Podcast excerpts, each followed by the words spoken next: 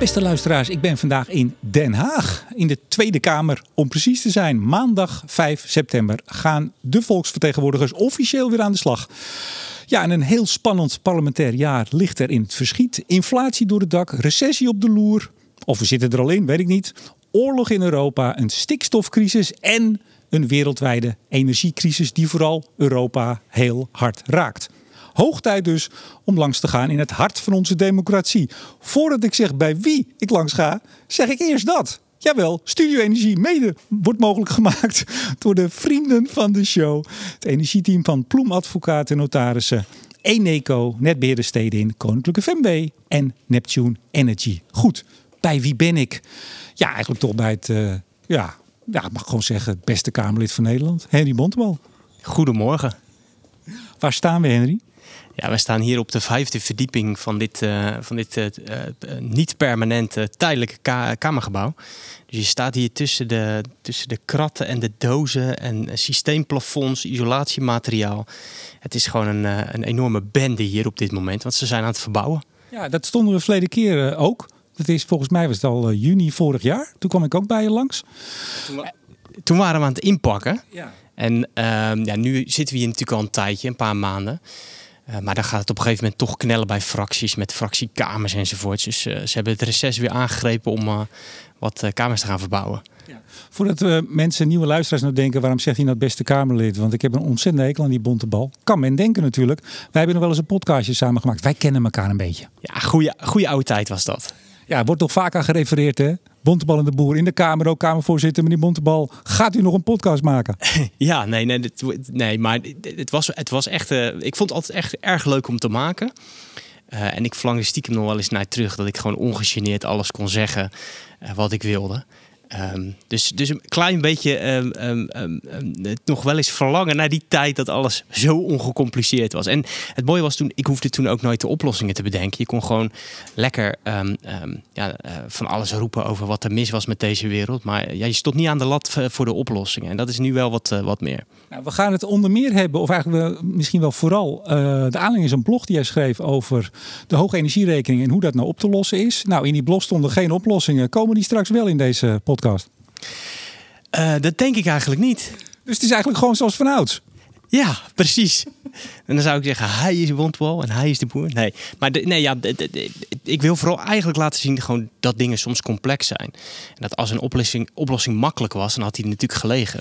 Ja. Um, nee, want even, dat is misschien toch goed. Want ik heb jou, nou wanneer zei ik het? Vorige week of zo. Ik zei, nou we gaan geen CDA-praatje doen. Dat vind ik niet fair. Want dan moet ik ook bij andere Kamerleden langs. Als ik iedere keer jou in die show haal van, uh, met, met een promo-praatje. Uh, ik, ik wil vooral weten... Uh, en dat hebben we vorige keer eigenlijk ook gedaan, maar je zit nu veel langer. Uh, toen zat je, was je nog helemaal, hoe heet dat, groen achter de oren? Nee, nat achter de oren? Nat, ja, ja. ja uitdrukkingen zijn altijd lastig. Volgens mij is het nat achter, nat achter de oren. Precies. Uh, maar je bent nu veel verder. En sterker nog, je bent, en dat staat keurig in het Kamerregister, je hebt een nevenfunctie. Je bent secretaris van de stichting Fractiebureau CDA. Ja, ja, ja. ja nee, dat, en dat is niet zomaar wat. Nee, um, um, wij hebben een, uh, een, een fractiebestuur en ook een stichtingsbestuur. Um, uh, het stichtingsbestuur dat, dat, dat draagt eigenlijk zorg voor het bestuur van de stichting. Er hangt een stichting onder de fractie waar ook de medewerkers in zitten. Ja, dan moet je natuurlijk, uh, om, omdat je de, als je daarin zit, dan moet dat natuurlijk netjes even bij de KVK gemeld worden. Dus uh, vandaar. Maar ik, ik, het was voor mij echt nieuw, want ik checkte even voor ik hier naartoe kwam bij jou, jouw nevenactiviteit en natuurlijk de cadeaus. Nou, dat zijn nog, twee, nog steeds die twee flessen gin. Verder heb je nooit meer wat gekregen. Nee, en ik probeer dat eigenlijk ook, ook wel te vermijden, eerlijk gezegd. Want ik, mijn, mijn idee was eigenlijk om, om dat, dat, dat geschenkenregister ook helemaal leeg te laten. Dus ik check ook altijd van als het boven de 50 euro is, neem ik het ook gewoon echt niet aan. Maar ja, die twee flessen gin, die schoten er destijds tussendoor. En die blijven nog steeds daar op die, op die lijst uh, staan. Maar, even, uh, waarom een stichting eronder? Want ik dacht echt van, wat is dit nou? Ik bedoel, je hebt gewoon hier een Tweede Kamerfractie. Maar er zit dus weer een stichting. Nou, je hebt het net zelf uitgelegd. Waarom is dat? Ja, ik weet niet of de andere juridische constructies ook mogelijk waren. Maar wij hebben een stichting. Volgens mij bij heel veel fracties dat. Waar gewoon uh, onze medewerkers ook in zitten. Hè. Dus wij hebben natuurlijk uh, zelf als kamer, Kamerlid worden wij vanuit de Kamer natuurlijk betaald.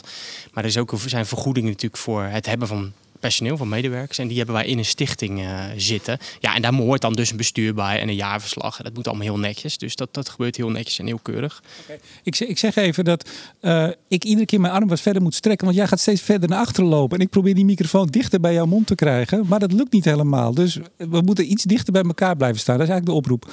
hey, even nee. Geen, gaan we die kant op? Ja, ja, ja, we gaan die kant op. Maar even uh, geen CDA-praatje. Nee, ik wil gewoon weten, uh, wat is de kunst van het volksvertegenwoordigen? Dat is eigenlijk welke middelen heb je? Je zit nu dik een jaar, meer dan 400 dagen zit je. Hou je dat bij trouwens? Hoeveel dagen exact? Nee, nee, nee, echt niet. Ik, uh, ik, ik weet iets met 1 juni. Dat is een datum die ik heb onthouden. En ik weet dat ik ergens twee keer twee weken uh, niet officieel uh, Kamerlid was. Maar voor de rest houd ik, hou ik het eigenlijk niet bij. Ik zeg voor de geïnteresseerde luisteraar van 1 juni tot 15 september 2021. Toen van 29 september tot 27 december. En toen van 18 januari tot nu. Nou, correct. Ik denk dat het, dat staat denk ik ook netjes op de, op de website van de Kamer, of niet? Nee. Oh. nou ja, bij deze. Nou, daar staat, uh, dat, ik weet niet of dat dan iedere dag bijgewerkt wordt, maar er staat dan dat je nu 400 zoveel dagen zit. Maar als ik dan morgen kijk, dan staat er eentje bij. Plus die bij of wordt het met de hand gedaan? Ik zou het werkelijk niet weten. Nee, nee, nee. Maar het is, het, de, de anciëniteit, die doet er natuurlijk soms wel toe. Hè, als het gaat over voorzitterschappen enzovoorts. Maar ik kom hier net kijken, joh. Dus, uh... hey, goed. Nee, maar even. Uh, ja, welke middelen heb je tot je beschikking gehad het afgelopen jaar? En nu we het hebben over die hoge energierekening. Je hebt een uitgebreide blog geschreven. Nog langer dan je zelf uh, volgens mij had gedacht dat die zou worden. Daar gaan we het vooral over hebben. Ik ben razend benieuwd. En we gaan eerst een stukje wandelen naar jouw kamer. Nou, het is hier inderdaad je zou bijna zeggen op z'n Rotterdams, een teringzooi. Ja, dat is weinig parlementair taalgebruik. Ja. Maar uh, hoewel, tegenwoordig is het misschien wel parlementair taalgebruik, zoals Herman Vinkers zou zeggen. Nee, het is hier echt, echt een bende. De gang staat hier vol met isolatiemateriaal en met, uh, met deuren en met... Uh, met ja. En een bordje, ik begin er maar meteen over, boer, burger, binnenhof. Wat is dit, Henry? Dat is de fractie van de, de, de BBB. Dus de toekomstig CDA bedoel je? De, de fractie van de BBB zit hier. Ben je al, heb je al het eerste gesprek gehad om, uh, voor de overstap? Nou, ik geloof niet dat ik daar zou passen, uh, meneer de Boer. Nou ja, de, de, de B zit er al in. Misschien kan ik er ook bij. Dan, dan hebben we alvast twee letters. Ja, dan, dan zou het de, de burger-bontebalbeweging worden. En boer.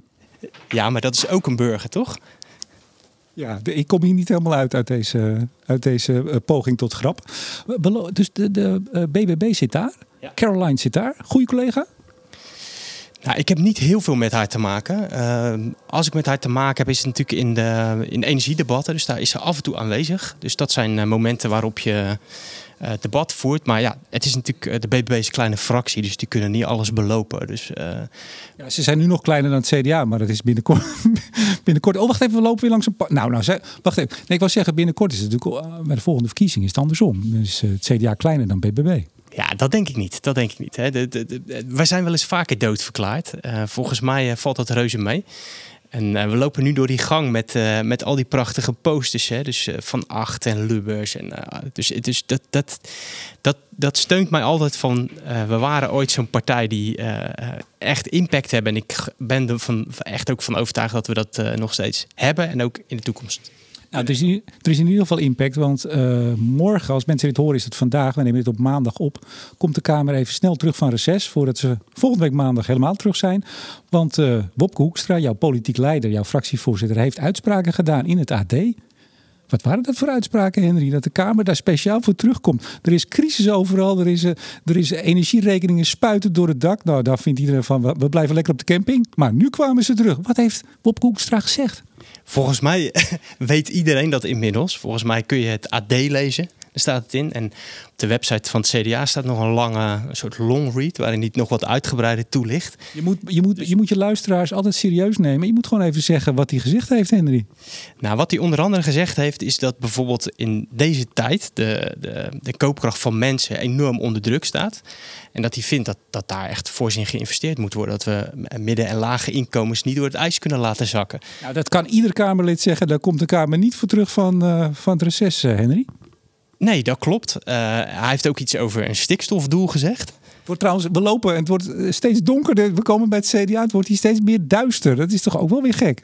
Ja, maar als je dan toch de metafoor pakt, het is een soort tunnel en ik zie heel veel licht aan het eind van de tunnel. Want we lopen nu naar mijn kamer, dus volgens mij komt het helemaal goed.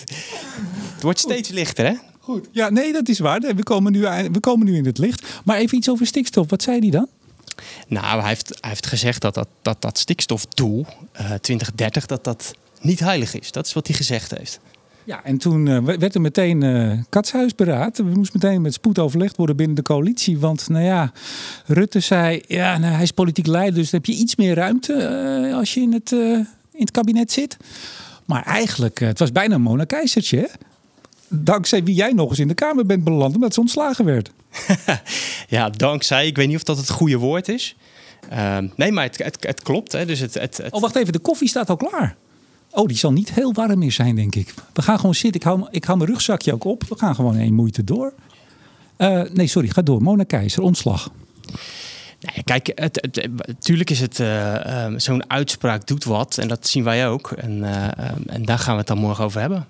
Ja, nog morgen debat. Dus ik, ik, kijk er, ik kijk er naar uit. We gaan het zien. Jij zit dan naast de fractievoorzitter, want we zijn net even in de plenaire zaal geweest. Ja, we hebben daar zelfs een fotootje gemaakt. Ik dacht, ja, ik, ik kom hier nooit meer. Dus ja, dit is mijn kans.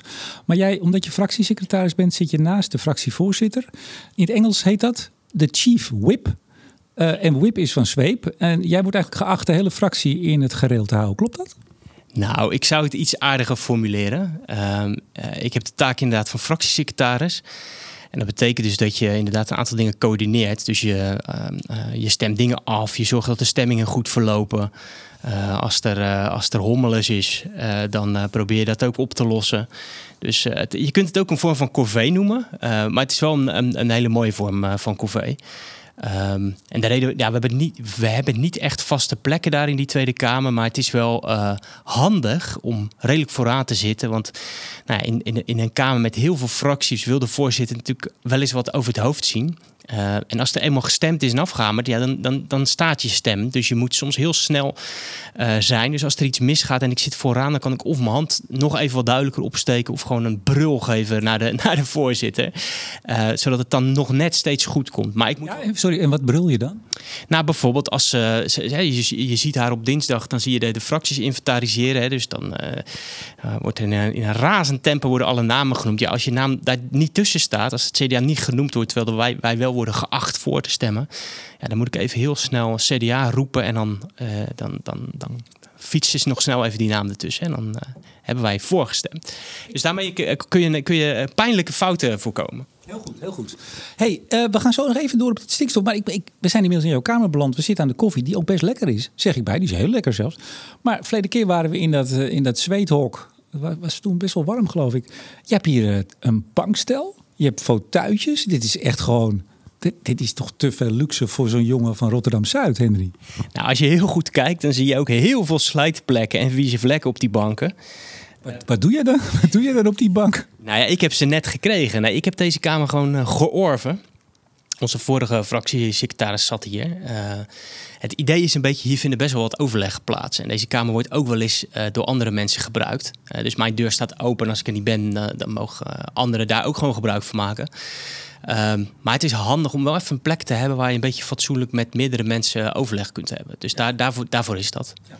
En is de kleur een beetje rood-oranje gekozen zodat je de bloedvlekken niet ziet? de bloedspetters. Nee, nee, nee, nee, nee. Ik heb dit allemaal gewoon uh, geërfd. En uh, ik heb er geen enkele invloed uh, op, op gehad. Dus ik heb het gewoon geaccepteerd. Um, en ik ben niet zo iemand die dan zelf naar de IKEA gaat om, om een eigen overtrekje te kiezen. Daar, nee. Zo huiselijk ben ik niet. Hey, even over Hoekstra en dan gaan we over naar de energierekening. Want uh, we moeten het toch even over hebben. Ik zag trouwens een bijnaam die hem werd gegeven, maar die, die komt vast niet van jou. Flopke. Flopke Hoekstra. Heb je die al gezien? Ik heb van alles langs zien komen, maar uh, uh, ja, flauw meneer de Boer, flauw de Boer. Ja. Nee, maar het, het, het, zegt wel iets over, even toch serieus. Um, eigenlijk torrent hij, nou ja, wel niet, beetje, uh, bijt niet echt door aan de afspraken, de stikstofafspraken, waardoor nou niet door de afspraken, maar door de aangekondigde maatregelen, uh, het halve land in reparoer is. Nou ja, ik was op het fietsje uh, door een flink deel van het land. En het, het, land is voor een groot deel in reparoer. Niet iedereen, maar wel een flink deel. Hoef ik, jou, hoef ik het CDA niks over te vertellen. En dan komt hij in een interview en dan zegt hij: Ja, die 230 is voor mij niet heilig. Niet op alle gebieden, het is nog wat genuanceerder, maar in ieder geval, ik ga tornen aan wat tot nu toe binnen het kabinet de afspraken zijn. Nou, vervolgens bijt hij niet door. Hij, hij doet niet een officieel verzoek om het coalitieakkoord aan te passen. Nou, dan wil ik toch graag weten, hoe duid jij dat, Henry Bontebal? Ja, het domste wat ik nu zou kunnen doen, is bij jou hier voor de microfoon daar een hele duiding aan te gaan geven. Zo, zo, zo slim ben ik inmiddels wel. Ik ben niet voor Jan Doedelenstein hier naar deze kamer gekomen, Henry. Kom op.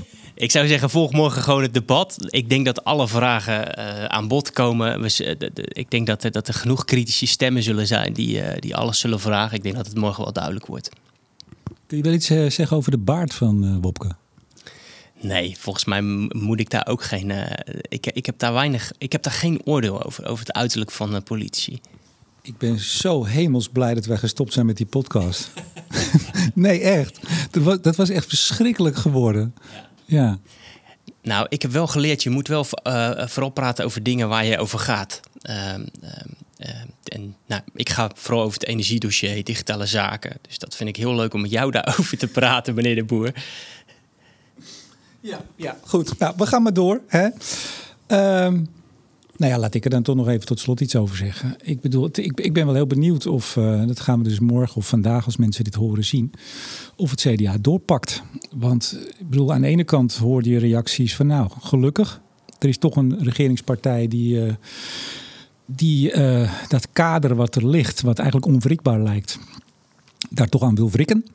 Uh, ik geloof dat ChristenUnie en, uh, en uh, de VVD ook daar wel open voor staan. Er is één partij die dat niet wil. Ik ga gewoon het helemaal zelf invullen, beste luisteraars. Henry die knikt een beetje, die kijkt een beetje, kijkt een beetje weg ook, een beetje zo naar zijn schoenen. Eén partij D66, waarvan het absoluut niet mag. Ik heb nog wel één concrete vraag hierover, toch? Ehm, ik volg stikstof maar zeer beperkt, of eigenlijk bijna niet. Maar nu begreep ik van de week dat wettelijk Nederland in 2,35 die halvering voor elkaar moet krijgen. Um, die 230 is in het coalitieprogramma gekomen. Zou dat dan zomaar eens door de D66 erin gefietst kunnen zijn? Ja, nee, ook daar geldt. Uh, dan zou je eigenlijk even wel de woordvoerder landbouw moeten vragen. Dan zou je het aan Dirk moeten. Ik heb zelf niet bij die onderhandelingen, onderhandelingen gezeten. Ja, dus van de onderhandelingen over het klimaat, energiedeel, daar weet ik van hoe het erin gekomen is. Hoe, precies dat 2030-doel tot stand is gekomen, dat, uh, dat zou je echt aan Dirk uh, moeten vragen. Ik denk net zoals bij de energiedoelen en energiezaken al het schepje erop. En op zich is dat. Hè, sommige partijen die zeggen, nou, maar we moeten, moeten ambitieuzer zijn. Voorzitter, we moeten, moeten een paar jaar extra, een paar jaar eerder. Zo, zo gaat het toch? Ja, maar oprecht, ik weet niet hoe het gegaan is. we gaan gauw door hoge energierekening. Je hebt een blog geschreven vorige week. Uh, uitgebreide blog, hoge energierekeningen. Wat weten we en wat kunnen we doen? Nou, daar weet je dus wel iets van. Daar ga je ook iets over zeggen. Toch? Wat is nou, dat klinkt een beetje gek, hè? want iedereen zal zeggen: ja, hoge energierekening is een probleem. Daar begin je ook mee uh, dat je heel druk ermee bent geweest. Uh, uh, ook in je zomervakantie. Maar, maar het klinkt een beetje gek hoor. Maar wat, wat is nou echt het probleem? Wat is het probleem van de hoge energierekening?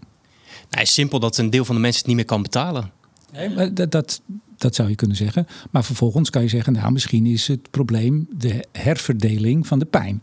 Dus even in, in basis, tuurlijk, iedereen snapt als uh, mensen, en zeker met een kleine beurs, een hoge rekening hebben, dan kunnen ze dingen niet meer betalen.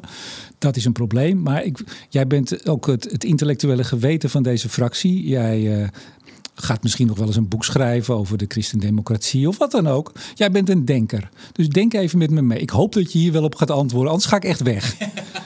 Wat is, nee, maar wat is in jouw beleving en wat is uh, volgens het CDA, moet ik dan netjes zeggen, het echte probleem in die hoge energierekening? Dat gaat natuurlijk uiteindelijk over bestaanszekerheid. Dus dat je dat alles bij elkaar optelt en dat mensen die uh, met lage inkomens, dat die gewoon uh, zichzelf niet meer kunnen bedruipen. En of dat nou via de prijzen van voedsel is of energie of wat dan ook.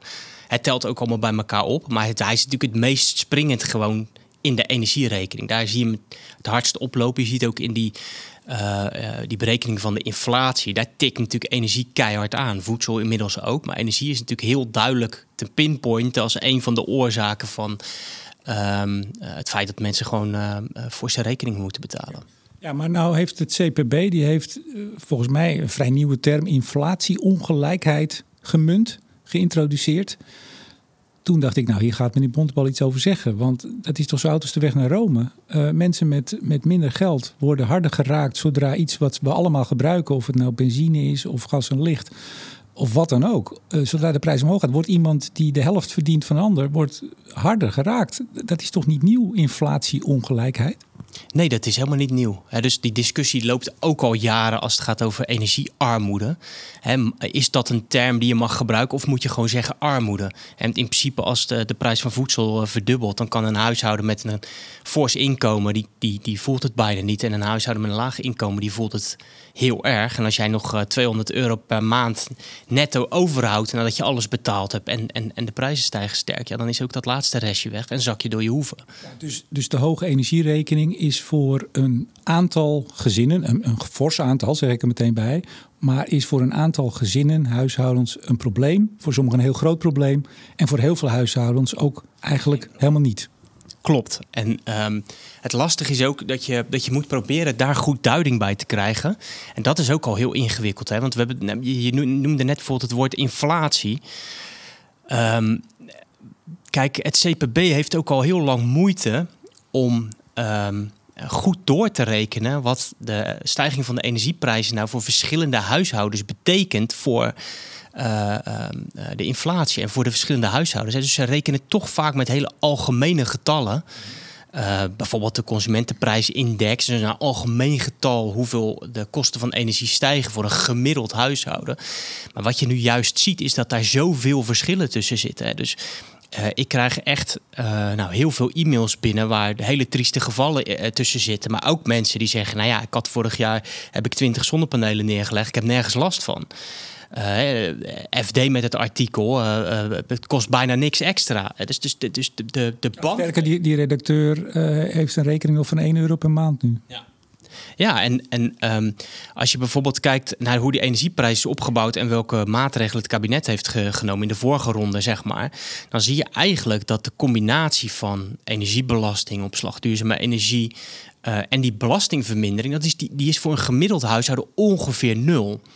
En dat betekent eigenlijk dat de, dat, de, dat de overheid voor een gemiddeld huishouden dit jaar geen belasting heft meer op de energierekening, behalve nog BTW. Ja, die tikt natuurlijk harder aan omdat die prijzen zo hoog zijn. Maar dat, dat andere deel, al die energiebelasting, zijn eigenlijk voor een gemiddelde huishouden ongeveer al nul.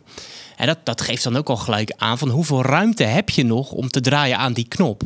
Want als je nog verder die kant op gaat draaien, dan zou het een toeslag worden. Ja, wil je dat dan? Hè? Wil je dus dat, dat die component van de energierekening een toeslag gaat worden? Ja, dat, dat is dus voor sommige mensen al. Zoals die FD-redacteur, die normaal geloof 80, 90 euro betaalde en nu nog één. Dus die, die ja, ik zou bij zeggen, verdient erop. Ja. Nou ja, je vroeg, wat doe je dan de afgelopen weken? Nou, daar zit ik in Excel te prutsen en dan, uh, ja, dan pak ik verschillende huishoudprofielen. En, en, dan kijk je naar van uh, een, een, een, alleenstaand paar of, of iemand, iemand die alleen woont in een vrij nieuw appartement. Een alleenstaand paar, dat vind ik een mooie. Ja, zonder kinderen bedoel ik dan. Ah, um, um, of iemand die alleen woont in een nieuw appartement. Nou ja, daar zie je dus van dat hij dus inderdaad gewoon in de min komt. Hè. Dus de overheid keert netto een bedrag uit per jaar je ziet ook dat, dat, dat nou ja, vrijstaande huizen met, met, met vijf uh, inwoners en een, een, een, bouwdatum van 1930, ja, die betalen nog steeds uh, heel fors. Maar die verschillen zijn ook gewoon enorm groot. En dat is ook een beetje het probleem van je wil een oplossing voorzien voor iets, maar je feitenbasis is al heel lastig. En, en de, zelfs een ministerie van Economische Zaken heeft naar mijn indruk ook gewoon best wel weinig zicht op nou ja, hoe de energierekening voor verschillende typen huishoudens zich nou ontwikkelt. Dat, doen, dat gebeurt toch altijd op basis van algemene uh, inschattingen. Even voor de luisteraars. Dit is uh, Henry Bontbal die netjes zegt... EZK heeft ook geen idee. Nou, dat, nee, nee, nee, nee, nee, nee, echt, daar wordt hard gewerkt. Maar ik, ik merk zelf hoe ik ben daar dus zelf dagenlang mee bezig om, om dit soort dingen ook uit te zoeken. Ja, weet je, als ik schriftelijke vragen stel, maar is een van de instrumenten te noemen die een Kamerlid heeft, dan uh, gaat zo'n ambtenaar ongeveer hetzelfde doen als wat ik achter mijn laptop heeft gedaan. Of die belt uh, een aantal mensen in de sector om dat, uh, om dat te doen. Dus het is echt ook heel lastig. En het, is ook, het heeft ook te maken met de manier waarop we de dingen geregeld hebben. Dus even heel flauw, hoe weten we wat huishoudens verbruiken? Ja, dat, dat, is, dat wordt gemeten door netbeheerders. En die hebben slimme meters en die meten dat. Maar die geven die data niet zo één op één door aan de overheid. Dus die zit op een bak data, maar daar mogen ze in die zin weinig mee. Dus ze geven alleen maar algemene cijfers door weer aan het CBS. En het CBS maakt daar dan weer chocola van. Ja. Uh, we, we, komen met jouw blog... Um die kunnen mensen, hoe kunnen mensen jouw blog het makkelijkst vinden als ze het willen teruglezen trouwens?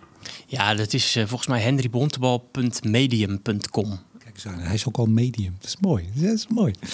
Uh, nee, dat is een website, dat weet ik wel. hey, even, um, want we gaan er even doorheen. We gaan even wat vaart maken. Jij zegt alleen de eerste alinea, ja, iedereen wil dat probleem oplossen. Uh, wij allemaal in de Kamer. En toen dacht ik ook, ja, maar is dit probleem überhaupt wel op te lossen? Als je bedoelt, voor iedereen repareren we het? Nee. Dus zo eerlijk moeten we gewoon zijn. We, er, is een oorlog en we hebben er uh, ook vanuit moraliteit voor gekozen om uh, sancties in te stellen, het Russische aardgas niet meer te willen. Um, ja, daar gaan we nu de prijs voor betalen. En daar gaan we denk ik vooral de komende winter de prijs van betalen. En ik vraag me sterk af of mensen doorhebben dat, dat dit de consequenties zijn van die keuze. Ja, dus we, gaan ik, niemand, we, gaan het dus niet voor iedereen kunnen repareren. En, en het, zeg maar, sowieso moeten we een beetje af van de gedachte dat de overheid alles altijd voor iedereen kan wegmasseren. Wacht even, Henry, want daarom vroeg ik net een beetje nadrukkelijk van wat is nou het probleem? Dat hangt natuurlijk samen met, is het dan überhaupt op te lossen en wat is dan oplossing? Je geeft een aantal, eh, je geeft eigenlijk drie aan in je blog. Je zegt er zijn er nog veel meer, maar anders was hij nog veel langer geworden. Maar het is natuurlijk heel goed op te lossen. Ik bedoel, als je generiek iedereen uh, bij wijze van spreken uh, zorgt dat ze geen energierekening meer hebben of je geeft een bak geld terug, dat is dus op te lossen. Maar dat is dus dan niet de oplossing, begrijp ik. Nee, je moet eigenlijk als je um, als je, als je zeg maar de, de huishoudens met de laagste inkomens en de middeninkomens die het ook raakt, als je die wil helpen, moet je eigenlijk eerst kijken van, er zijn twee sporen. De eerste is het algemene spoor, dus de, het spoor van de algemene belasting, de inkomstenbelasting, de toeslagen, kinderbijslag, uh, zorgtoeslag. er zijn allerlei um, algemene belastingen waar je aan kan draaien. En je hebt het spoor via de energierekening. En je moet dus eerst bedenken van welk, via welk spoor ga ik dat doen. Uh, uh, en wellicht allebei. Ja, maar even toch, ben je met me eens dat als de politiek het wil, ja, is dit op te lossen. Heel makkelijk, kost klauw met geld. Uh, en, en er gaan heel veel mensen extra geld verdienen eraan. Ja. Maar als je die mensen die het hardst geraakt worden, absoluut wil voorkomen dat het gebeurt, is dat bij wijze van spreken vanmiddag, als mensen dit horen in het debat, op te lossen. Bij wijze van. Het is op te lossen. Um, um, want je kunt aan, er zijn een aantal grote knoppen waar je zodanig aan kan draaien dat iedereen aan de onderkant er heel veel beter van wordt. Dus, um, maar dan kom je natuurlijk op. Dat, uiteindelijk wordt dat een politieke discussie. En niks is gratis. Dus het een gaat altijd ten koste van de ander. Dus als je uh, eh, 10 miljard weghaalt bij Dan, moet het, uh, dan komt het bij Y. Maar dit gaat altijd ten koste van iets. Van onderwijs of van zorg of wat dan ook. Of van de staatsschuld. Dus dat zijn natuurlijk de politieke. Dus het wordt heel snel heel politiek. Hè. Dus aan welke groepen ga je helpen en waar ga je het ophalen? Uh, want ook iets in de staatsschuld laten lopen is natuurlijk wel het ergens bij een groep ophalen. Namelijk bij de toekomstige generaties. En, en dat, is, dat zijn politieke keuzes. Ja. Nou, je begon eigenlijk al even over de oplossingsrichtingen. Uh, de eerste die noemt is inderdaad een, een inkomensafhankelijke belastingvermindering. Of een energiebelastingvermindering of whatever. Inkomensafhankelijk. Hoe zou dat kunnen en wat zijn daar de voor- en nadelen van?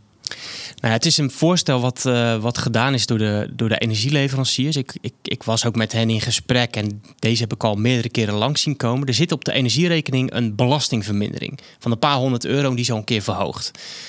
Um, nou, je kunt dat, dat aan, nog een keer aan die knop draaien door dat bedrag nog veel hoger te maken. Het nadeel is als je dat doet, is het geldt voor alle huishoudens. Dus uh, het, het, het, iedereen krijgt het. Dus dat, het verwijt kan dan zijn, dat is een vrij algemene maatregel. Het kost veel geld en het komt dus ook voor een deel terecht bij mensen die het niet nodig hebben. Nou, dus het voorstel van de leverancier is, is gaan maak dat dan inkom, inkomensafhankelijk. Dus uh, zeg dan bijvoorbeeld voor nou, de, alle huishoudens, ik noem maar een bedrag 800 euro. En de huishoudens... Ja, 800 zoveel. En um, uh, maak het dan 13 of 1500 euro voor de gezinnen die het echt nodig hebben. Sorry even, want ik ben het spoor ook een beetje bijster inmiddels. Het is 800 zoveel voor iedereen. Maar uh, de minst verdienende gezinnen of minst laagste inkomens krijgen via de gemeente er nog eens 400 bij of zoiets? Nee, meer. Volgens mij ook, uh, nou, uh, reken me niet op af, maar vol, volgens mij ook richting die 1800 uh, of 800 euro. Maar dat is het spoor via de gemeente, hè? dus dat is weer een andere oplossing. Dus, dus, maar het maakt voor die mensen niet uit waar ze het geld vandaan krijgen. Voor die mensen maakt het niet uit. Nou, zou ik ook niet helemaal zeggen, omdat ehm, deze mensen moeten wel dus actief naar het gemeenteloket. Uh, in plaats van dat ze dat een soort van anoniem krijgen via de leverancier. Dus uh, ook de politiek moet zich wel beseffen. Je moet dus wel met je briefje naar de gemeente om te zeggen: joh, ik redt het niet meer. dus dat, dat, dat, dat vind ik echt ook nog wel een, een, een ding wat je mee moet nemen. Maar goed, dus het voorstel van die energieleveranciers om inkomensafhankelijk dat te gaan doen, dat stuit ook wel op wat problemen. Welke? Nou, het grootste probleem is, je moet dus de uh, energieleveranciers inzicht gaan geven in welke huishoudens ervoor in aanmerking komen en uh, niet. Nou, je zult natuurlijk nooit, en dat is ook hun voorstel niet, je zult nooit de inkomensgegevens naar de leveranciers sturen. Dus daar moet je iets tussen gaan zetten. je moet een portal maken waar uh, eigenlijk de energieleveranciers kunnen vragen welk huishouden komt in aanmerking ja of nee. Dus een nulletje of een eentje, een vinkje of een, een kruisje. Ehm, nou, dat portal moet er dan zijn. Nou, daarvan zeggen de leveranciers, ja, het is er. Want de woningcorporaties uh, hebben zoiets. Nou, wat ik begrijp is dat gewoon een, een veredeld Excel-bestand en allemaal niet geautomatiseerd. Dus ik denk dat dat helemaal nog niet zo eenvoudig is om dat, daadwerkelijk te gebruiken. Want energieleveranciers die hebben natuurlijk gewoon snel uh, een geautomatiseerd systeem nodig. Maar mijn belangrijkste bezwaar is toch je gaat toch iets over de inkomenspositie van huishoudens meegeven aan energieleveranciers. Nou ga ik niet zeggen dat ze daar allemaal misbruik van maken, maar je creëert daar wel een mogelijkheid voor. En, um, Wat zou dat misbruik kunnen zijn? Nou ja, ik weet dat energieleveranciers soms vrij agressief in hun marketing kunnen zijn. Um, um, dus zij zoeken naar doelgroepen die voor hen fijn zijn om als klant te hebben, maar ook doelgroepen die ze liever niet als klant willen hebben. En als je weet dat bepaalde inkopensgroepen extra steun nodig hebben, dan weet je ook dat dat de, dat de huishoudens zijn met een verhoogd risicoprofiel. En uh, dat zou zomaar kunnen zijn dat, dat leveranciers er dus sommigen uh, er alles aan zullen doen om die klantgroepen bijvoorbeeld kwijt te raken. Dus ik, ik vind het echt een soort principieel ding. En naast dat je ook wel ja, ik denk in de uitvoering ga je tegen allerlei dingen aanlopen. Hè? Want hoe weet je dat inkomen? Stel dat het inkomen na een jaar wordt herzien bijvoorbeeld. Uh, dus je moet heel goed nadenken over wat is je eikmoment dan? Hoe ga je om met, met één uh, huishoudens met een één verdiener of twee verdieners? Dus het, het, is allemaal, allemaal denk ik nog best wel ingewikkeld. Maar mijn belangrijkste punt zou zijn is dat, dat, dat, dat, toch, ja, dat je informatie gaat delen over het inkomen. En ik vraag me sterk af of wij die weg uh, moeten ingaan.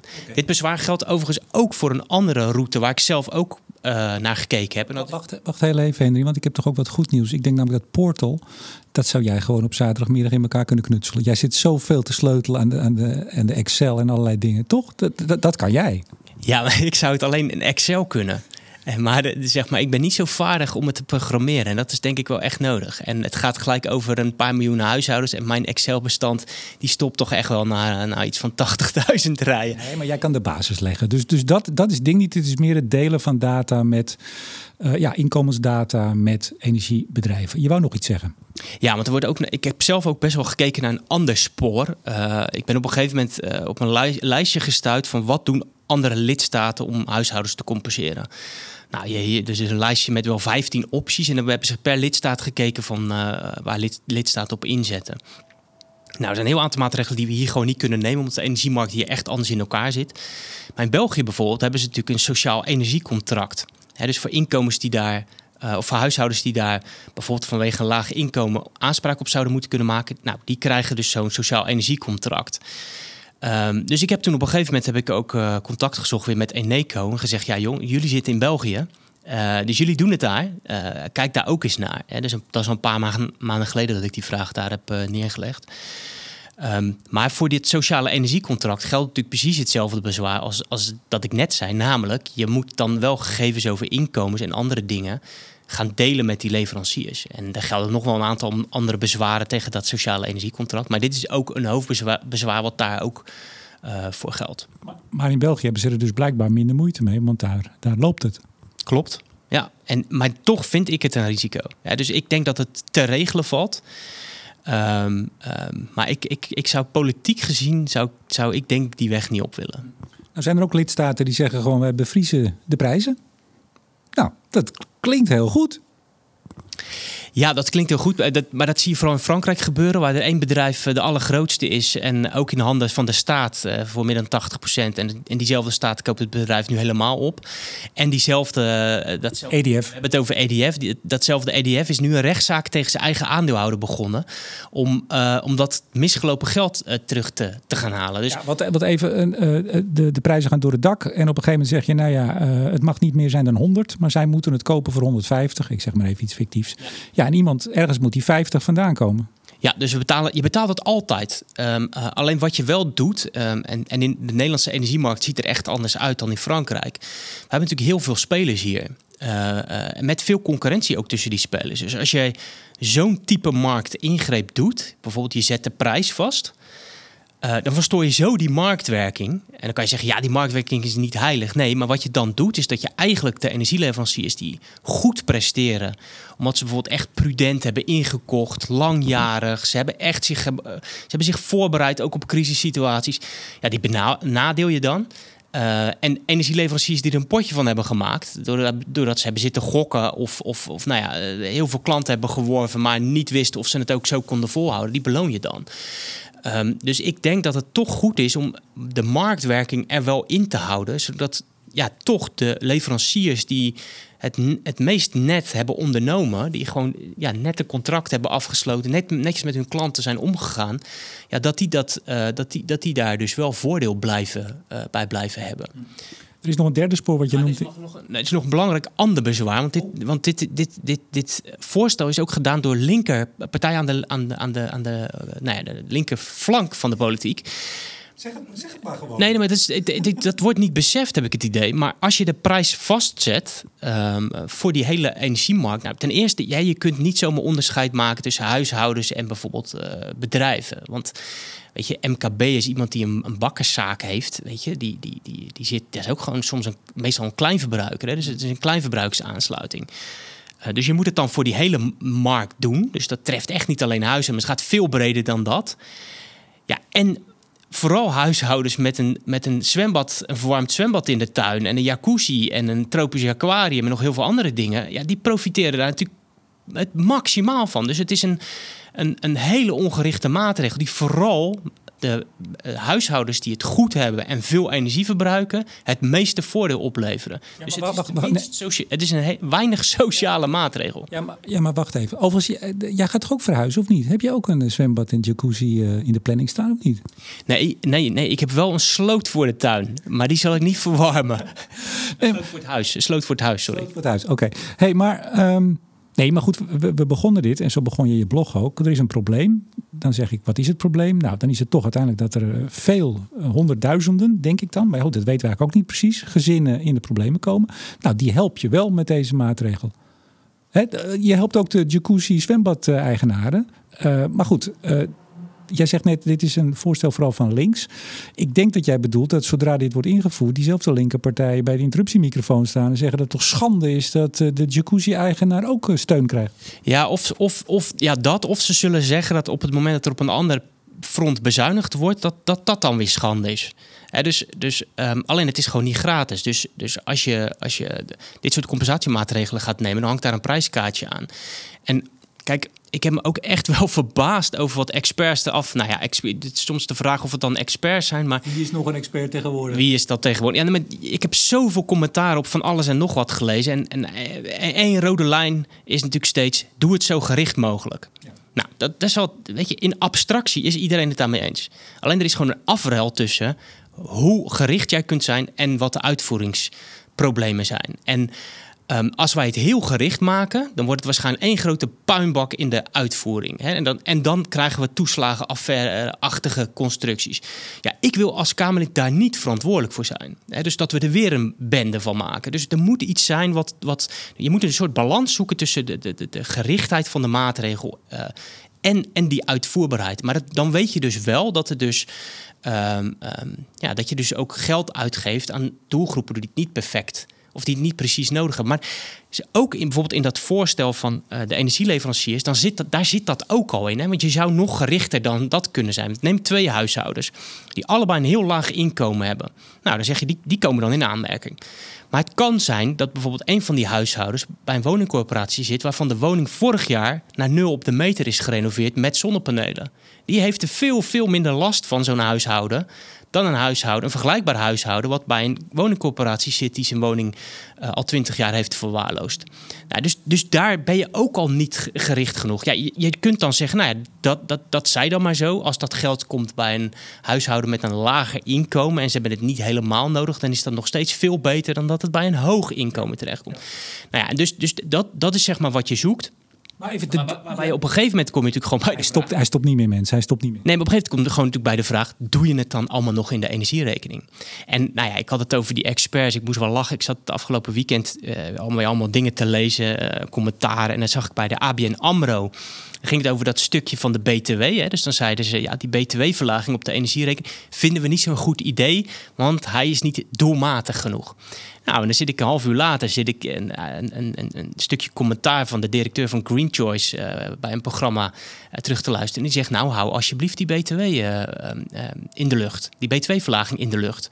Hè, dus, dus, dus zo hoor je Um, nou ja, mensen die er allemaal toch wel iets verstand van hebben, die hoor je allemaal ook uh, adviezen geven die ook allemaal, allemaal, de, allemaal verschillende ja, kanten. En daarom zitten jullie hier met 150 mensen en jullie moeten uiteindelijk met z'n allen knopen doorhakken. Even de derde, derde spoor, vierde gemeente. Hoe zou dat moeten werken? Nou ja, het werkt nu al. Hè. Dus, dus uh, um, er wordt die, de, de, de, huishoudens die het betreft, die kunnen al uh, naar de gemeente toe. Uh, gemeenten zijn daar nu ook mee bezig. Uh, sommigen hebben ook met elkaar een soort portal ingericht, dat je dat, dat redelijk makkelijk kunt doen. Nog niet allemaal.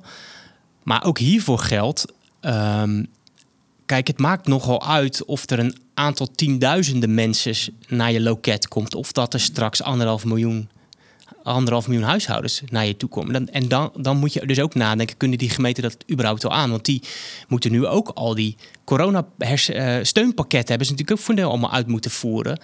Uh, dus als je, ja, als je, als je die richting op gaat, moet je ook heel goed nadenken over uitvoerbaarheid. Je kunt het niet zomaar over de schutting gooien. Maar, maar uiteindelijk is dus het meest fair dat je de combinatie maakt van je inkomen, je salarisstrookje of je uitkeringsstrookje en je energieverbruik. Die twee samen is eigenlijk het enige wat echt zegt of, jij, uh, of de nood hoog is. Ja, als je het heel precies wil doen. Ja. Ja, maar als je, als je, als je dus de, de, de, kijkt ook naar uitvoerbaarheid, zou je toch op iets minder gericht kunnen uitkomen. Waarbij je dus accepteert dat er iets van verschil gaat zitten in de mate waarin mensen het echt nodig hebben. En dan kun je natuurlijk onderscheid maken tussen zijn het mensen met lage inkomens die iets extra's krijgen, terwijl ze het misschien als je kijkt alleen naar de energierekening niet nodig hebben, of zijn het ook de hoge inkomens? Dat maakt, vind ik, voor mij persoonlijk nogal, uh, nogal uit. Je, je, hebt ook nog in je blog over of salderen nog wel sociaal is. Die laat ik nu even zitten. Komt er eigenlijk op neer? Nee. Uh, nou, ik, ik begin daar wel moeite mee te krijgen. En, en, en, en er ligt natuurlijk een wetsvoorstel om, om die salderingsregeling af te bouwen. En uh, laat duidelijk zijn, ik hou heel erg van de technologie zonnepanelen. Ik vind het fantastisch en ik heb ze zelf ook op mijn dak liggen. Maar we moeten wel gaan nadenken of die regeling nog sociaal is. En... Toen, toen, wij nog de podcast hadden en toen werd er al gesproken over het versoberen van de salderingsregeling. Nou, over reacties gesproken uit het veld. Man, iedereen op de achterste benen. Hou hem zoals hem is. Ja, en um, um, kijk, wat, wat er nu veranderd is, is dat die hele energiemarkt op zijn gat uh, ligt. En, en, en ja, energieprijzen uh, uh, ook torenhoog zijn. Dus ook elektriciteitsprijzen. Dus ik krijg ook best wel veel mensen die mij mailen van dat ze het heel onrechtvaardig vinden dat bijvoorbeeld sommige energieleveranciers nu per maand gaan salderen. Maar dan zeg ik, nou ja, weet je, ik heb daar kamervragen over gesteld. En ik vind het ook niet terecht. Want ik vind dat iedereen, dat niet elk bedrijf zelf mag bepalen hoe die de wet uitlegt. Maar ik mail ook altijd wel even terug van. Er is ook zoiets als een hele hoge elektriciteitsprijs op dit moment. En daar profiteert u ook van. Dus, um, en, en er zit gewoon, daar moeten we eerlijk in zijn. Door, dat, door het salderen betaalt een deel van de mensen of betalen de huishoudens zonder zonnepanelen wel een stukje mee met uh, ja, eigenlijk de subsidie die je geeft aan huishoudens met zonnepanelen. En dat loopt via die energierekening. Ja, en laten nou best wel veel mensen in uh, uh, G, label G of E of F woningen met enkel glas geen zonnepanelen hebben. Dus die betalen mee. Ja, nou, daar verbaas je natuurlijk nog wel over. Want er zijn natuurlijk ook heel veel woningcorporaties hè, die hebben geïnvesteerd in zonnepanelen. Uh, en kijk, op het moment dat je de, aan die knoppen gaat draaien, dus dat je de salderingsregeling aanpast, moet je ook weer bedenken. Er zijn heel veel huishoudens die de afgelopen jaren gestimuleerd zijn om te investeren. Die hebben forse investeringen gedaan. En die mailen mij ook van ja, weet je, je kunt niet zomaar tijdens het spel aan de knoppen gaan draaien. Uh, ook woningcorporaties hebben dat voor hun huurders gedaan. Dus je moet ook, ook weer recht doen aan de mensen die de afgelopen jaren hebben geïnvesteerd in zonnepanelen. Je kunt niet zomaar zeggen, ik stop er morgen mee. Dat, dat, is, dat is ook niet netjes. Weet je, ook, ook huishoudens hebben een soort van investeringszekerheid uh, nodig. Maar dat, dat een vorm van versobering nodig is, dat, dat, dat, is, uh, dat is waar. Overigens even een hele kleine anekdote. Bij mij in de buurt Amsterdam-West, daar heeft een woningcorporatie ook geïnvesteerd in zonnepanelen. Die lagen al een tijdje zonder dat ze aangesloten werden. Want ja, mensen tekort. Dus de mensen die ze leggen waren weer niet de mensen die ze moesten aansluiten. Op een gegeven moment uh, zijn er een paar aangesloten. Maar toen de, uh, het grote, de grote bubs aangesloten moest worden, was het inmiddels uh, meeuwenbroedseizoen. En ik zag letterlijk dat er een monteur het dak op wilde om de boel gaan aansluiten. Die werd aangevallen door die meeuwen. Ding zijn nog steeds niet aangesloten. Die liggen al maanden.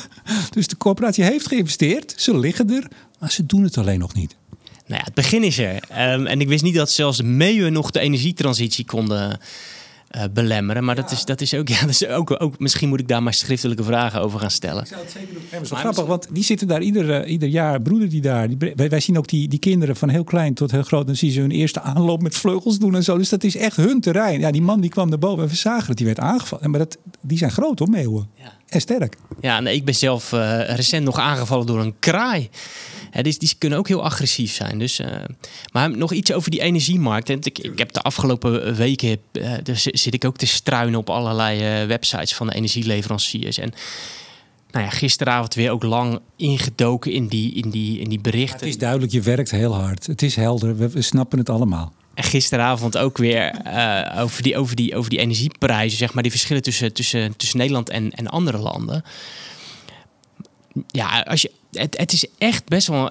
Mij bekruipt wel echt het gevoel dat, dat, dat de energiemarkt is echt op tilt. Hè? Dus, dus je Vooral de media is op tilt. Want je gaf weer een paar kletsen, kletsen voor de kop van aan sommige media. Dat die gewoon maar wat dingen bij elkaar zetten. En zeggen: oh, Nederland is het duurste. En niet rekening houden. Bijvoorbeeld met die vermindering energiebelasting. Je was daar een beetje op een nette manier. Was je een beetje aan het opwinden gisteravond. Ik heb het volgens mij netjes geformuleerd. Um, nee, um, je ziet best wel snel berichten die dan allerlei grote conclusies trekken. Terwijl je die, als je beter de cijfers induikt, dat je, die zijn niet zo gerechtvaardigd. Hè? Dus er wordt nu veel verwezen naar een onderzoek of een vergelijking tussen wat, uh, wat je betaalt aan, voor je energierekening in verschillende lidstaten. Um, maar als je daar dieper induikt, dan is het heel moeilijk om die cijfers te reproduceren. Ik ben zelf gewoon uh, gaan googlen op uh, grote Duitse energiebedrijven. En heb gewoon even als klant geprobeerd daar een contract af te sluiten. En dan zie je hele andere prijzen. Uh, je kunt echt niet voor die lage prijzen, die ook ja, gemeld worden bijvoorbeeld in het FD, maar ook bij Nieuwsuur. Daarvoor kun je echt geen energiecontract afsluiten in. Klopt gewoon niet.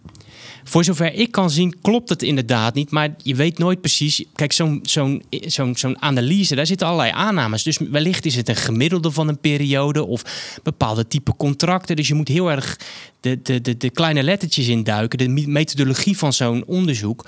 Maar goed, ik vind het wel wat, wat je niet moet doen als, als, als, als gerespecteerde krant of, of, of, of, of, de NOS is.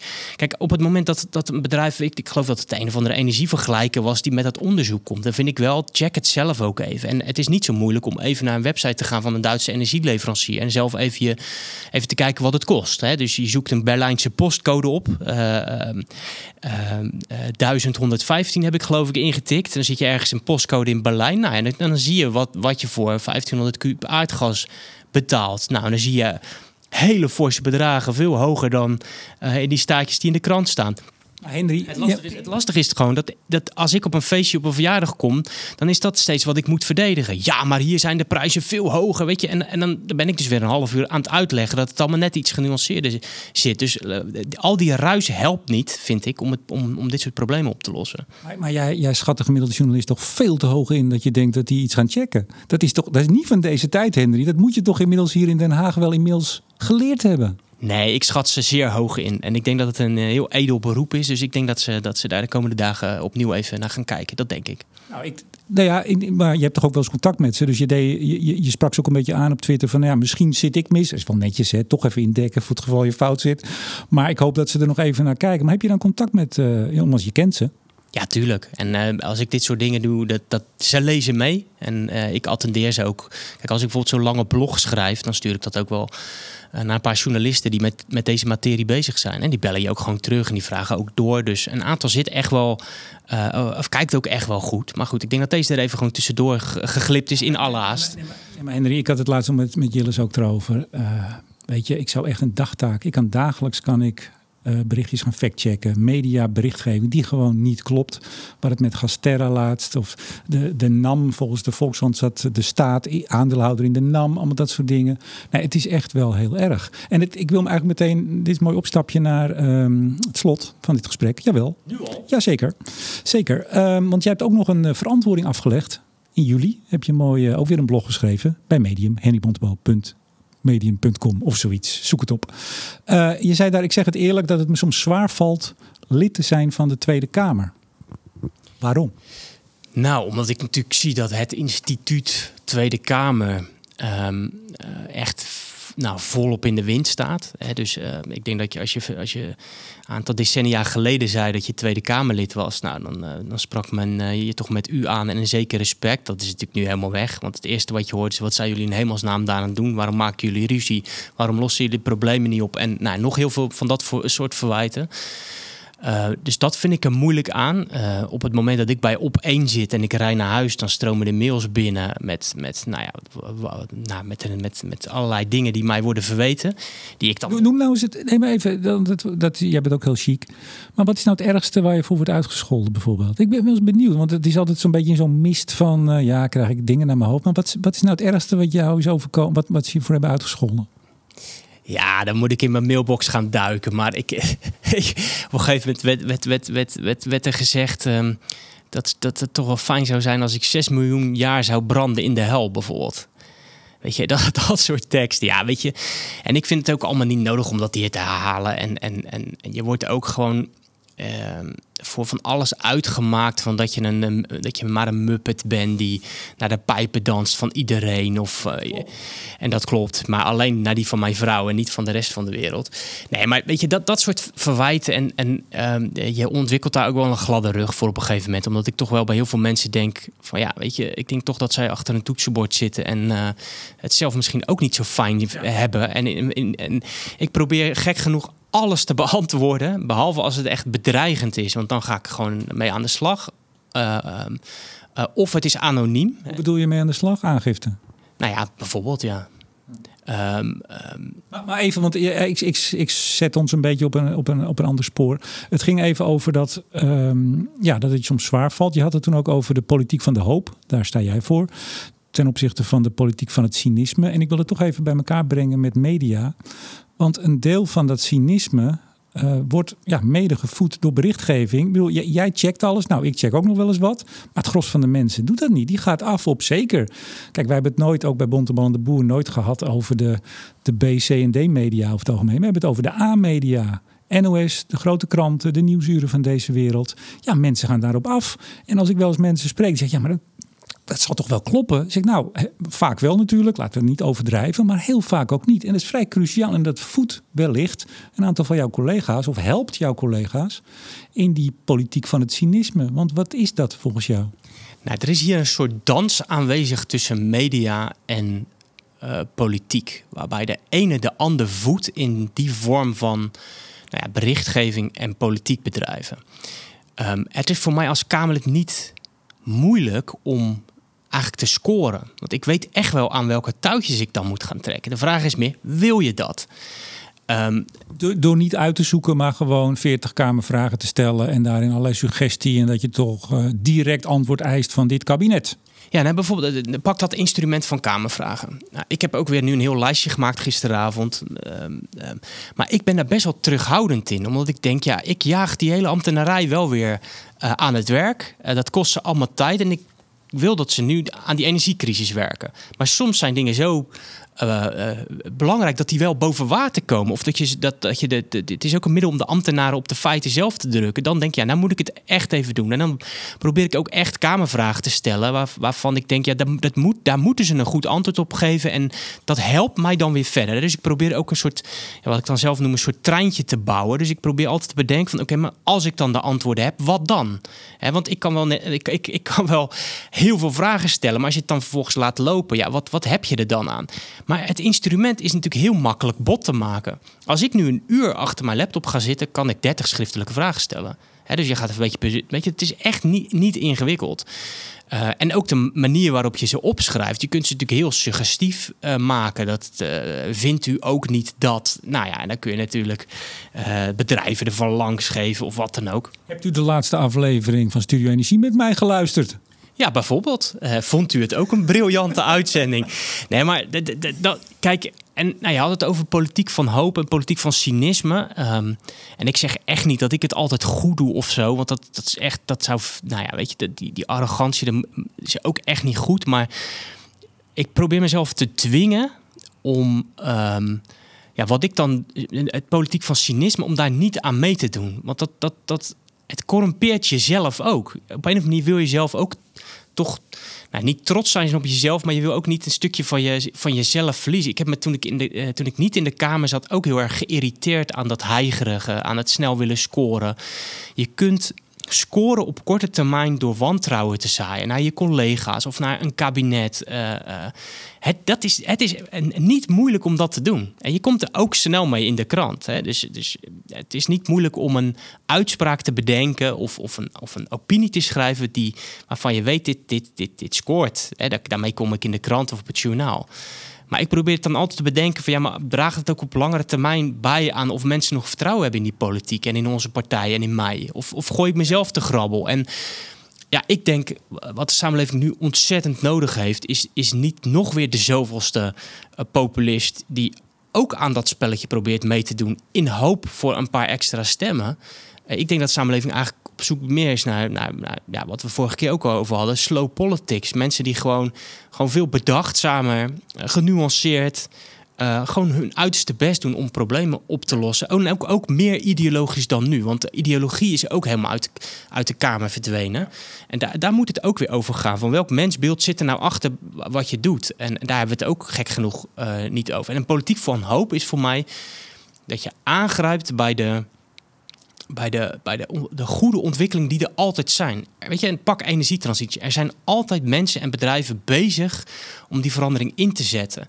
dus ik kan de hele dag klagen over wat er misgaat. Ik, maar ik probeer echt mijn aangrijpingspunt te zoeken bij al die initiatieven en al die mensen en al die bedrijven die de keuze hebben gemaakt om te vergroenen. En dan denk ik, oké, hoe kan ik hen helpen om uh, verder te gaan? En ja, dat, maar dat, ik moet mezelf daar wel elke keer toe dwingen om om die tactiek te blijven hanteren. Want het is verleidelijk om die andere tactiek te gaan hanteren. Ja, maar, uh, en we gaan nu echt afronden hoor. Um, ik bedoel, ik zie jou uh, opereren in de Kamer. Uh, ik zie ook collega's van je. Ik zie het verschil tussen de politiek van het cynisme en die van de hoop. Ben je niet bang dat je een, een in de woestijn bent? Nou, misschien staan jullie met een klein clubje. Man of vijf, misschien tien maximaal. Of zeg jij van nee, ik zie de kentering. Ik zie media die zijn best doet. Ik zie media die zijn fouten toegeeft, die checkt. Ik zie Kamerleden, collega's die allemaal echt oprecht de boodschap van hoop, die ze eigenlijk, vind jij terecht denk ik overigens, moeten uitdragen, zouden moeten uitdragen. Zie je dat of zie je het misgaan? Ik vind het heel lastig, omdat uh, want dat zou een soort, dat, alsof ik daar een soort objectieve blik in, in, in had. Maar... is, nee, maar ik, ik onderbreek je even. Het is een gevoel. Je zit hier nu, je zit hier nu dik een jaar. Gaan we de goede kant op? Uh, nog niet. Maar ik heb wel ook op dat punt weer hoop. Ik zie veel jonge Kamerleden die, die oude tactieken ook zat zijn. En dat is niet alleen in mijn eigen fractie, ook in andere fracties. Hè zie je ook veel, uh, de Kamerleden die wat, wat, wat, wat korter zitten, die, die, die zijn ook nog niet zo uh, cynisch. En ik, ik merk ook gewoon dat die ook moeite hebben met die heigerigheid en de cultuur die hier zich heeft uh, postgevat. En ook journalisten, als je ze achter de schermen spreekt, dat doe ik best wel vaak, dan heb je daar goede gesprekken over. En Ron Fraser, toen hij natuurlijk afscheid nam van het 8 uur heeft hij daar ook een aantal dingen over gezegd. Over die heigerigheid en dat scoren en dat populisme. Dus ja, ik zie de kentering nog niet. Um, uh, er is gewoon, en dat heeft ook te maken met een coronacrisis die, uh, die, die, die voorbij is. Of in ieder geval die, waar we uitkomen. En waar er is gewoon, nog, er is gewoon veel ja, eh, gewoon onbehagen in de samenleving. En bepaalde dingen zijn niet opgelost. Dus ik snap ook dat wantrouwen richting die politiek. Ik, want mensen hebben soms ook terecht boosheid. Alleen de way out is niet dat uh, voeden en uh, daar je politiek bij scoren. Er is alleen maar een weg eruit, denk ik, met, met toch een, veel meer constructieve uh, politiek. Anders redden we het echt gewoon niet om deze samenleving zo mooi te houden als dat die altijd was. Overigens, maar dat permitteer ik me even. Ik vind cynisme, eh, het vindt ook een bepaalde vorm van cynisme dat je alleen achter de schermen uh, wel uh, open en de, de, de politiek van hoop of de, de journalistiek van hoop kunt bedrijven. Maar zodra het, of als je weggaat of als je weg bent, maar zodra je er nog middenin zit, ik denk dat we meer mensen nodig hebben die niet alleen het achter de schermen zeggen of off the record, maar daar ook naar gaan handelen voor de record. Ja, maar ik vind het wel een beetje moeilijk om als Kamerlid daar dan op die. Dus ik vind, nou ja, maar dat vind ik ook. Ik, ik denk altijd van de, de verandering, verandering begint altijd bij jezelf. Dus ik en en Ehm, er zijn gewoon ook echt uh, hele goede journalisten die gewoon uh, de werken echt tot in de details doen. ja, echt. Die, die, nou, bepaalde onderzoeksjournalisten die gewoon echt heel diep de materie ingaan. Dus, dus Ehm, en, en, soms heb ik ook wel, weet je, geef het ze soms met te doen, hè, dat je dan binnen een paar minuten ook een item moet maken. Dus het is, het, is ook, we doen het ook dit wel weer met elkaar, vind ik. maar we hebben dus ook, maar we gaan, we gaan nu echt stoppen. We hebben ook slow journalism nodig. We moeten niet binnen een paar minuten het verhaal al rond hebben en uh, publiceren. Dat is precies een van de problemen ook. Hey, tot, helemaal tot slot. De oplossing voor de hoge energierekening. Nou, die heb jij ook niet nu. Je hebt een aantal richtingen geschetst. Je hebt vooral de problemen geschetst, de, de, de nadelen van alle richtingen. Maar hoe, hoe gaat de Kamer hiermee voort? Uh, eh, 5 september weer terug van, uh, van reces. Nou, hier gaat over gedebatteerd worden. Denk jij dat we tot een aanvaardbare oplossing komen? Ook midden in dat politiek van cynisme, waarbij dus ieder nadeel meteen weer enorm wordt uitvergroot en weer voer is voor de talkshowtafels. Komen we eruit? Uh, ik denk het wel. Ik denk het wel. Um, uh, omdat het zo duidelijk is dat er wat moet gebeuren. En er zal altijd een oplossing komen waar uh, ook de experts wel weer de nadelen zullen, dat, van zullen wijzen. Dus ik maak. Nee, maar dat, dat gaat gebeuren. Dus de een zal dat zeggen: het is een beetje te veel, de andere een beetje te weinig. De ene zal zeggen: het is te ongericht. En de ander die zal zeggen: je had aan een andere knop moeten draaien. Maar ik, ik denk dat, weet je, men is hier echt wel gewoon bezig om het, om het op te lossen. En uh, ik hoop gewoon dat het kabinet um, ja, met een mooi pakket, uh, met, met, met, een mooi pakket komt. Zodat gewoon mensen die, die, die het echt nodig hebben, niet door, de, door, die, door die vloer zakken. Volgens mij moeten we dat niet laten gebeuren. Goed zo. Nou, ik wens jou en jouw 149 collega's en het kabinet daar heel veel succes bij. Dankjewel. Graag gedaan. En uiteraard bedank ik ook jullie beste luisteraars en in het bijzonder alle vrienden van de show, waaronder Team Energie van Ploemadvocaten en Notarissen, Eneco, Netbeheerder Stedin, Koninklijke FMW en Neptune Energy. Tot zover. Mijn naam is Remco de Boer. Graag tot volgende week.